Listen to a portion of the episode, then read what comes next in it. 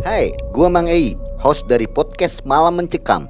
Saat ini gua dan tim sedang bekerja sama dengan Anchor, sebuah aplikasi yang kita gunain untuk membuat dan publish podcast kita ini. Kita mau kasih tahu nih, ternyata membuat podcast itu gampang banget dan 100% gratis. Selain gampang dan banyak digunain, semuanya yang kita perluin untuk membuat podcast juga ada di dalam Anchor.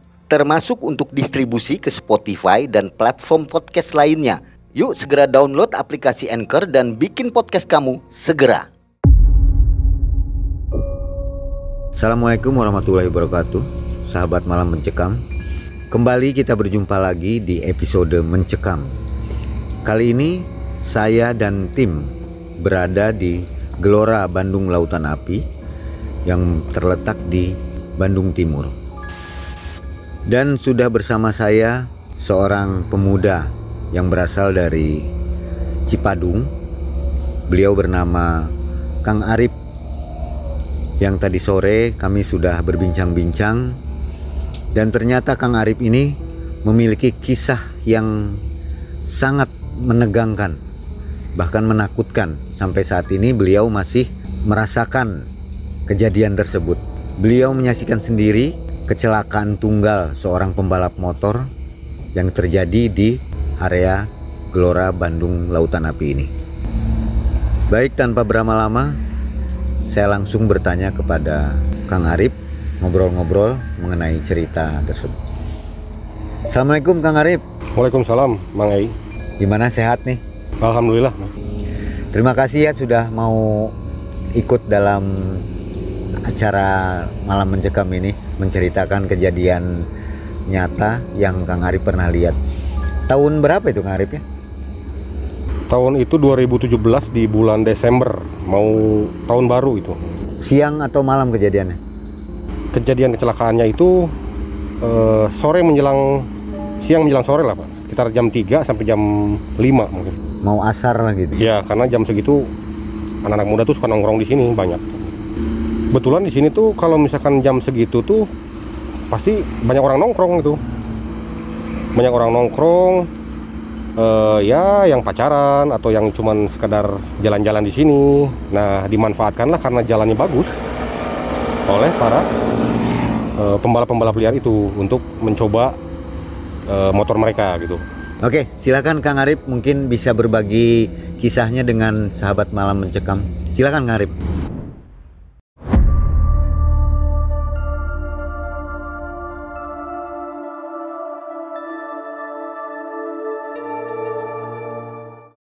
Jadi kisah ini tuh saya dan teman-teman tuh tahun 2017 di bulan Desember. E, tepat harinya saya kurang tahu karena lupa mungkin. ya. Jadi e, jam 3 tuh saya janjian sama teman-teman biasa untuk menonton ya itulah e, balapan liar karena kalau sewaktu dulu sih waktu zaman saya masih SMA tuh kan di Supratman ya biasanya ya ada balapan liar itu. Nah sekarang mungkin karena di sini sepi dan mungkin jalannya bagus. Pada hari itu jam 3 sore itu saya dan teman-teman mulai biasalah nongkrong di warung dan siap-siap untuk e, menonton para e, pembalap liar itu. E, ada Aceng, ada Anwar dan yang lain. Nah sekitar jam setengah empat saya jalanlah menuju ke GBLA depan gitu kan. Biasanya mereka dari situ udah mulai siap-siap motor misal di setting segala macam dan mulai ada juga yang mungkin ya taruhan atau apa gimana bagaimana. Nah biasa kita nongkrong tuh di warung yang ada e, kopi dan juga ada makanan lah segala macam. Nah jam 5 itu di situ kita mulai nongkrong di pinggir jalan dan mulai terlihat lah si orang-orang itu mulai mencoba motor mereka gitu dan ada beberapa motor yang emang kita jagokan di situ. Yang motor dua taknya lah ada yang e, matic segala macam. Nah jam 5 lebih sedikit lah mungkin karena itu si matahari itu udah mulai agak-agak dibilang senja ya mungkin ya. Jadi udah mulai agak mau menurun si mataharinya. Nah ada tiga motor yang mulai e, start itu mereka kelihatan emang antusias sekali dan satu orang itu saya lihat eh, si motornya tuh emang terlihat kencang gitu kan. Dan jalanlah mereka tuh kuat dari sini ke sana. Nah di tengah jalan nggak tahu kenapa segala macamnya atau misalkan motornya apa ada yang menghalangi atau apa tiba-tiba jatuh. Wah gitu kan. Motor jatuh si pengendaranya kelempar kelempar dan cukup jauh cukup jauh. Wah gitu kan. Jadi saya tuh motor sampai keluar api karena si besi itu eh, apa bergesekan dengan aspal. Jebrak gitu kan. Wah langsung kita lari ke sana semua. Wah kecelakaan kecelakaan euy. Lari. Nah udah tahu teuing tah. Oh yuk. Ayo orang tinggali kali itu. Nah, larilah ke sana. Pas kita lihat di situ udah mulai darah udah mengalir di mana-mana. Dan mereka nanya ada apa ini? Ada apa? Kecelakaan pak. Ini mereka kira ah itu mah mungkin kecelakaan biasa. Pas kita tanya ini pak ini sampai berdarah gini dan mereka datang akhirnya mereka lihat diperiksa segala macamnya dan itu langsung si yang kecelakaan itu udah nggak ada gitu. Maksudnya udah yang meninggal di tempat ya mungkin baik. Nah akhirnya telepon lah ambulan segala macam polisi datang evakuasi segala macam dan itu kan si darah dan segala macam itu kita tutupin dulu pakai pasir. Pasir dan si apa si sosoknya itu kita tubuhnya kita tutupin pakai kain gitu. Datanglah ambulan dibawa gitu kan. Nah akhirnya kita nongkrong lah di warung dengan misal tuh dengan ya kita ngebahas yang kecelakaan tadi. Karena setelah kecelakaan itu semua pada bubar. Yang nonton yang belapan semua sekarang bubar segala macam. Nah, nongkrong lah kita di situ dan hari pun masuki mungkin sekitar setengah tujuh ya habis habis maghrib gitu kan kita ngobrol-ngobrol-ngobrol-ngobrol nah teman saya ada yang biasa kan suka kita suka bawa gitar gitu kan kita nyanyi-nyanyi ngerokok ngopi segala macam Nah, di sela-sela kita lagi nyanyi itu kedengaran suara seperti rintihan gitu. Rintihan tuh kayak eh aduh eh. cuman samar-samar suaranya nggak jelas gitu kan terus kita kita kita tanya itu suara naon ya? Gitu. kan. Kita biasa ngobrol pakai bahasa Sunda gitu kan. Mana nggak ada itu? Nya cina ayam si ganu cerik di mana? Tunjuklah ada satu pohon yang emang di situ si si pembalap itu berhentinya. Pas kecelakaan itu dia berhenti di situ dan si darahnya pun masih ada di situ gitu. Nah, mungkin sekitar jam tujuhan lah kita lihat sana. Ayo ah orang tinggali. Eh, ayah naon sih dirinya? Dengan penasaran kita kan penasaran dan juga dengan perasaan yang mungkin merinding ya karena siangnya kita sore tadi kita ngelihat kecelakaan malamnya kita dengar yang gini kan itu kan waduh suatu hal yang mungkin sangkut paut mungkin ya ada ada apa nih? Kita berempat ke sana ngeliat di center tapi nggak ada apa-apa gitu. Jadi kita tuh ya bekas darah tadi aja ada pasir segala macam gitu kan nah teman saya ini si Aceng ini emang di, di kita itu ada satu teman saya yang indigo lah disebutnya. Jadi dia kayak bisa ngelihat sesuatu nih yang kita nggak bisa lihat gitu ya mungkin hal gaib atau apa tuh. Dia langsung kayak gini astagfirullahaladzim kunaon ceng? Ya. ayo ah balik cina gitu. Kunaon ceng? cina. Cina ayah nu diuk uh, tapi bangetnya lo ketihan. Mukanya berdarah katanya gitu. Mukanya berdarah dan dia lihat kayak yang mengerang kesakitan kata dia itu. Wah di situ kan kita langsung tiba-tiba uh langsung berpikiran ke mana-mana gitu kan ya karena di GBLA kan terkenal dengan ya mungkin kalau malam sepi ya malam sepi dan akhirnya kita balik lagi lah ke warung yang tadi gitu. Kita tanya bu e, tadi sekitar tabuh tujuan ibu nggak dangu tuh ibu nggak dengar nggak? Ada yang nangis gitu kan. Itu ayah cek cina nu nangis ah tuh ayah nu di situ kita mulai bertanya-tanya kok hanya kita yang mendengar? gitu kan ya. Sedangkan ibu itu jaraknya tuh nggak begitu jauh mungkin sekitar 2 meter lah karena ibu kan jual gorengan jual kopi gitu. Kita berempat akhirnya memutuskan untuk pulang misalnya. ayo ah balik lah bisa air naon gitu ya bisa ya takut ada apa-apa gitu kan. Kita akhirnya pulang lah ke rumah. Nah biasalah kalau misalkan uh, udah pulang ke rumah tuh kan kita ya sambil nunggu tidur tuh kan suka apa sih namanya waan lah di grup gitu kan ya. ngobrol-ngobrol-ngobrol-ngobrol akhirnya si Aceng ini nge WhatsApp karena raun eh ya biasa we ceng lah iya ker sesarean gitu ya bisa lagi nunggu tidur gitu kan. Kunaun ceng? Ya kalau di bahasa Sunda tuh jadi sini gini ini katanya saya di kamar sendirian terus-terusan ngedengar suara si suara arangan tadi yang mengaduh itu. Kenapa? Katanya kalian ngedengar nggak kita jawab enggak gitu kan. Urang mah ada ngewai euy kunaon ya cenah gitu nah di situ kita nggak nggak mau ngebahas lah nanti ngeceng bacaan weh gitu kan ya. Bacaan Bismillah weh. Nya tuh udah aja. Akhirnya kita tidur. Pagi-pagi itu ke warung kopi nongkrong ya sambil cerita-cerita lah. Datanglah kita cuman bertiga. Si Aceng mana eh tidak apalnya ke mana si Aceng biasanya masih nasi eta tanginas tanginas tuh paling pagi gitu kan paling cepat dia suka nongkrong dulu eh ke mana eh gini. Tapi nggak kelihatan. Akhirnya kita telepon telepon nggak ceng di mana mana? Ceng kamu di mana? Gitu kan. Duh cina kurang teh nggak gibrik euy. Saya teh sakit katanya sakit meriang gitu. Meriang kenapa ceng? Nggak tahu. Tiba-tiba aja pas tadi bangun teh meriang badan saya nggak enak jadi pusing meriang. Terus akhirnya ya udahlah ceng kita ke sana gitu. Kita kita nengok dia lah kasihan akhirnya kita ke rumahnya. Pas kita assalamualaikum assalamualaikum waalaikumsalam. Bapaknya yang buka.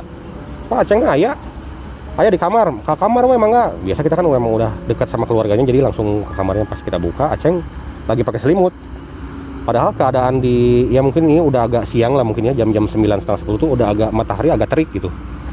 Jadi bukan yang pagi-pagi buta yang dingin bukan. Si Aceng kenapa pakai selimut? Saya bilang tuh Ceng kunaon mana Ceng duh cina orang panas tiris eh orang dengar awak cina. Udah aja pas ngobrol ngobrol ngobrol ngobrol. Cuman kata dia tuh begini. Saya selama tadi malam itu subuh selalu mendengar suara arangan tadi itu dan tidur pun dia mimpi. Mimpi si yang duduk tadi tuh yang di yang di apa yang di pohon itu selalu datang ke arah dia gitu tapi tidak ngomong apa-apa dia cuma ngelihat gini ke saya ngeliatin terus dia kayak ngelambain tangan. Ini kayak ngagupai lah mun bahasa Sunda nama gitu saya bingung kan wah ini kayaknya Aceh ada sangkut paut dengan yang eh, tadi malam kita dengar suara arangan itu. Makanya waduh ceng cina nah akhirnya kita inisiatif lah ke Pak Ustadz. Setelah lohor kan bisa kan kita tanya dulu ke buat masjid. Tadi gini gini oh nanti cina tos lohor ayah biasanya kita ngobrol lah gini gini terus Pak Ustadz nanya ayo tuh orang ke Aceh. Kebetulan Pak Ustadz ini tuh bisa ya Isa tuh bisa mungkin bisa melihat hal yang gaib lah mungkin gitu ya. Datanglah ke rumah Aceng terus saya bilang iya Pak Aceng lah kieu kieu kieu terus akhirnya si Pak Ustad itu seperti yang e, menjamkan mata akhirnya dia lihat-lihat segala macam. Dia bilang gini Ceng cina si sosok ini tuh minta tolong sama kalian cuman yang bisa merasakan lebih itu karena Aceng karena dia yang bisa melihat gitu kan. Itu. Nah pas ditanya segala macam dengan segala macam pak ini kenapa? Minta tolongnya kenapa? Si apa si sosok ini tuh. Dia bilang tolong carikan kuping saya. Di situ langsung kita kaget kan. Waduh. Karena mungkin kemarin pas evakuasi karena ya mungkin karena mungkin ambulan juga kaget atau apa segala macam dia kan tidak tidak mungkin untuk ngecek satu-satu gitu. Jadi diambil lah mungkin.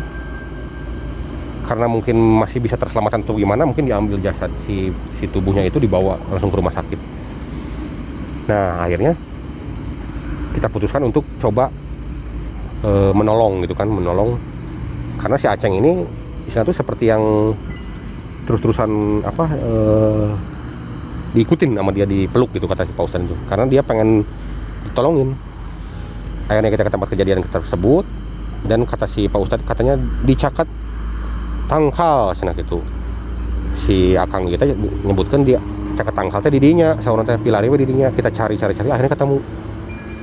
Dia di selokan dekat selokan itu udah seperti daging yang apa ya hati ayam yang udah hitam udah hancur gitu kan udah kebelah-belah segala macam udah kena aspal tanah apa segala macam udah wah. Dan si pausnya itu ambil diambil udah katanya kita bersihin dulu akhirnya dikafanin sama pausanya di apa di dibalut kain kain putih lah gitu ya kain seperti kain kafan dibawa sama Pak Ustadznya. Dan kata Pak Ustadz ini harus dikuburkan bersama jasad yang eh, sudah terkubur gitu kan. Nah akhirnya kita kita anterin lah ke pemakamannya itu. Di situ kita minta dengan keluarganya segala macam pak ini gini gini, gini segala macam. Karena kejadiannya menimpa teman saya gitu kan meminta tolongnya ke sini. Karena mungkin yang ngelihat sosoknya itu teman saya yang yang indigo itu. Nah akhirnya udahlah beres.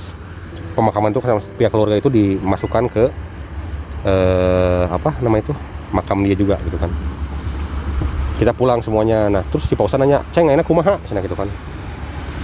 Ceng sekarang gimana? katanya wah pak ustad cina enak mah ada rausen agak enakan lah badannya gitu kan. Kata pak ustad tuh ya udah katanya. E, sok kalian pulang aja masing-masing ke rumah gitu kan. Udah kita bubar lagi dengan penuh pertanyaan karena e, kenapa harus ke kita? Gitu. Karena kan di sana banyak banyak saksi mata mungkinnya yang langsung melihat langsung. Apa mungkin pas kita lagi nongkrong di warung itu kita mendengar gitu mungkin Nah malamnya biasalah kumpul, budak orang mah kumpul gitu kan. Ayo ah biasa di gitaran sih. Nah seperti biasalah itu udah mungkin sekitar satu dua bulan ke depan lah setelah tahun baru itu kita kan kumpul kumpul kumpul. Nah kejadian itu waktu setelah tahun baru itu kita kumpul di warung si ibu ya yang biasa kita nongkrong. Nah mulailah ada yang berani lagi untuk biasa ya Willy gitu kan, ada yang uh, trek-trekan lagi ada yang coba ngetes motornya gitu kan. Nah cuman anehnya begini setiap ada motor yang mungkin sendiri gitu ya lagi wah kenceng suka terdengar suaranya kayak langsung ngerem mendadak tuh uh kunaon macam motor? Gitu kan. Padahal jalan panjang gitu. Terus kata teman-teman eta weren cina biasalah supaya ucing gitu kan. Udah satu kali di situ dua kali pernah juga kayak yang sampai jatuh tapi nggak nggak guruak jadi cuma uh gubrak gitu kan. Wah abu kunaon kan nah sewaktu-waktu ada motor tuh yang muter dia muter ngelihat kita mungkin terus dia nyamperin nyamperin ke ke kita lah. Terus dia nanya kang cina eta di tangkal eta nah ayah wae jami cina gitu gitu. Masana kumaha kang? Nya cina jalmi teh seperti anu bade ngagabruk tapi seperti badai uh, nyetop gitu tah masalah teh. Jadi si ganu ngarewas kan gitu kan. Abi kan menuju fokus ke trek gitu nya. Ke lurus.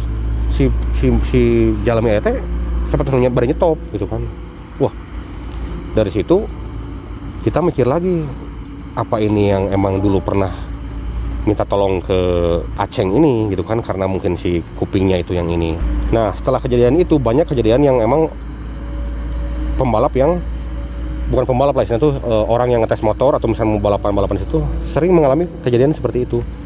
Dan anehnya kalau misalkan yang lewat motor biasa gitu ya motor yang cuma lewat misalkan dari GBLA mau ke arah e, Cipadung atau mau arah Cimincrang itu nggak pernah ada kejadian. Hanya orang-orang yang uh, ngecek motor ya mungkin lagi kecepatan tinggi lah mungkin itu. Itu saya kurang ngerti juga karena mungkin kenapa atau bagaimana. Saya sampai merinding juga nih dengarnya. Saya dari tadi pas menceritakan juga emang agak ini pak uh, mengai apa? Branding ya? Ya karena ingat lagi kejadian yang yang di depan mata itu.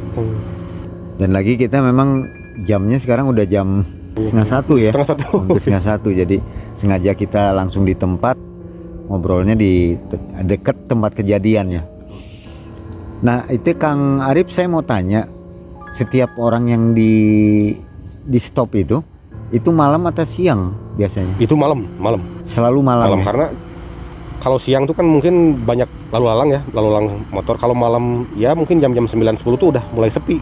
Itu jadi untuk ngecek ngetes motor itu kan kalau misalkan banyak motor tuh kan kagok mungkinnya kalau malam kan enak mungkin ya kosong. Nah, pada jam-jam 9.10 itu sering terjadi ya yang seperti tadi saya ceritakan tadi. Sampai dengan sekarang itu masih Kang Arif kejadian itu? Karena saya udah sekarang udah jarang nongkrong di sini mungkin ya, jadi bukan di sini lagi lah, ada di depan nongkrongnya gitu. Jadi pindah tongkrongan ya? Iya gitu. Cuman suka ada selentingan cerita, kadang ada yang teriak gitu. jadi teriak nggak nggak tahu kaget atau gimana gitu Kalau saya tangkap sih si sosok itu seperti mengingatkan ya bahwa jangan kebut-kebutan seperti itu ya. Mungkin seperti itu, mungkin juga mungkin dia karena kesal juga, mungkin karena Ngagetin. ya gitu, karena mungkin orang lain korban, mana itu korban atuh gitu. Oh, Bisa bisa jadi. nakut-nakuti jadi ya, gitu. mungkin karena kaget dia apa eh, bisa ngerem mendadak kan jatuh juga bisa kejadian juga mungkin Artinya tempat itu sekarang setelah kejadian sering di stop oleh sosok itu nggak pernah dipakai lagi untuk ini mungkin ya? Atau masih tetap aja? Kadang kalau orang yang nggak tahu masih gitu. Tapi kalau yang tahu mungkin dia pindah ke depan sana atau yang di arah ke Darwati sana kan ada juga gitu yang dekat apa eh, kantor sana pak.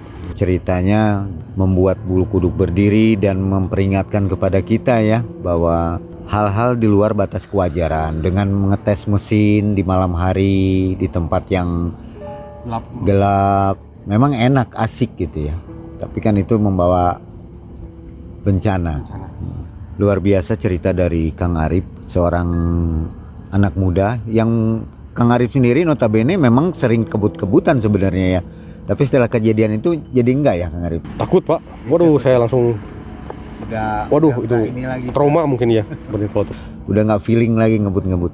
Sahabat malam mencekam cerita dari Kang Arif tadi membuat kita mendapatkan pelajaran bahwa hal seperti itu tidak baik dilakukan. Kang Arif mungkin ada pesan untuk sahabat malam mencekam? Mungkin buat teman-teman yang suka ke GBLA yang suka emang ngetes motornya atau misalnya gimana eh, saya saranin untuk lebih hati-hati mungkin ya lebih hati-hati dan juga jangan terlena oleh jalan yang bagus mungkin itu karena kita nggak tahu nih apa ada ya orang yang apa namanya itu nyebrang atau misalnya ada kucing yang lewat itu bisa terjadi kecelakaan dan Ya. mungkin kalau misalnya kebut-kebutan itu udah nggak zaman ya mungkin sekarang gitu ya. karena sudah dibuatkan mungkin treknya di sana di Cimahi sana di Brigif gitu untuk yang balapan liar kan mungkin kalau di sini kan balapan liar kalau di sana kan udah langsung ada treknya sendiri gitu mungkin ya coba dipikirkan kembali bagaimana kalau kecelakaan ini? Kita yang mengalami ya. Akan apa kita atau adik kita kan aduh aduh. Karena yang paling mengerikan itu pas kuping dia hilang itu kan itu suatu hal yang mengerikan mungkin ya Setelah ini Kamila akan langsung mengadakan penelusuran bersama Abah Japar dan juga Kang Arif yang akan turun langsung ke depan uh, DBLA ke tempat kejadiannya langsung di TKP. Bisa disaksikan di channel Melihat Malam.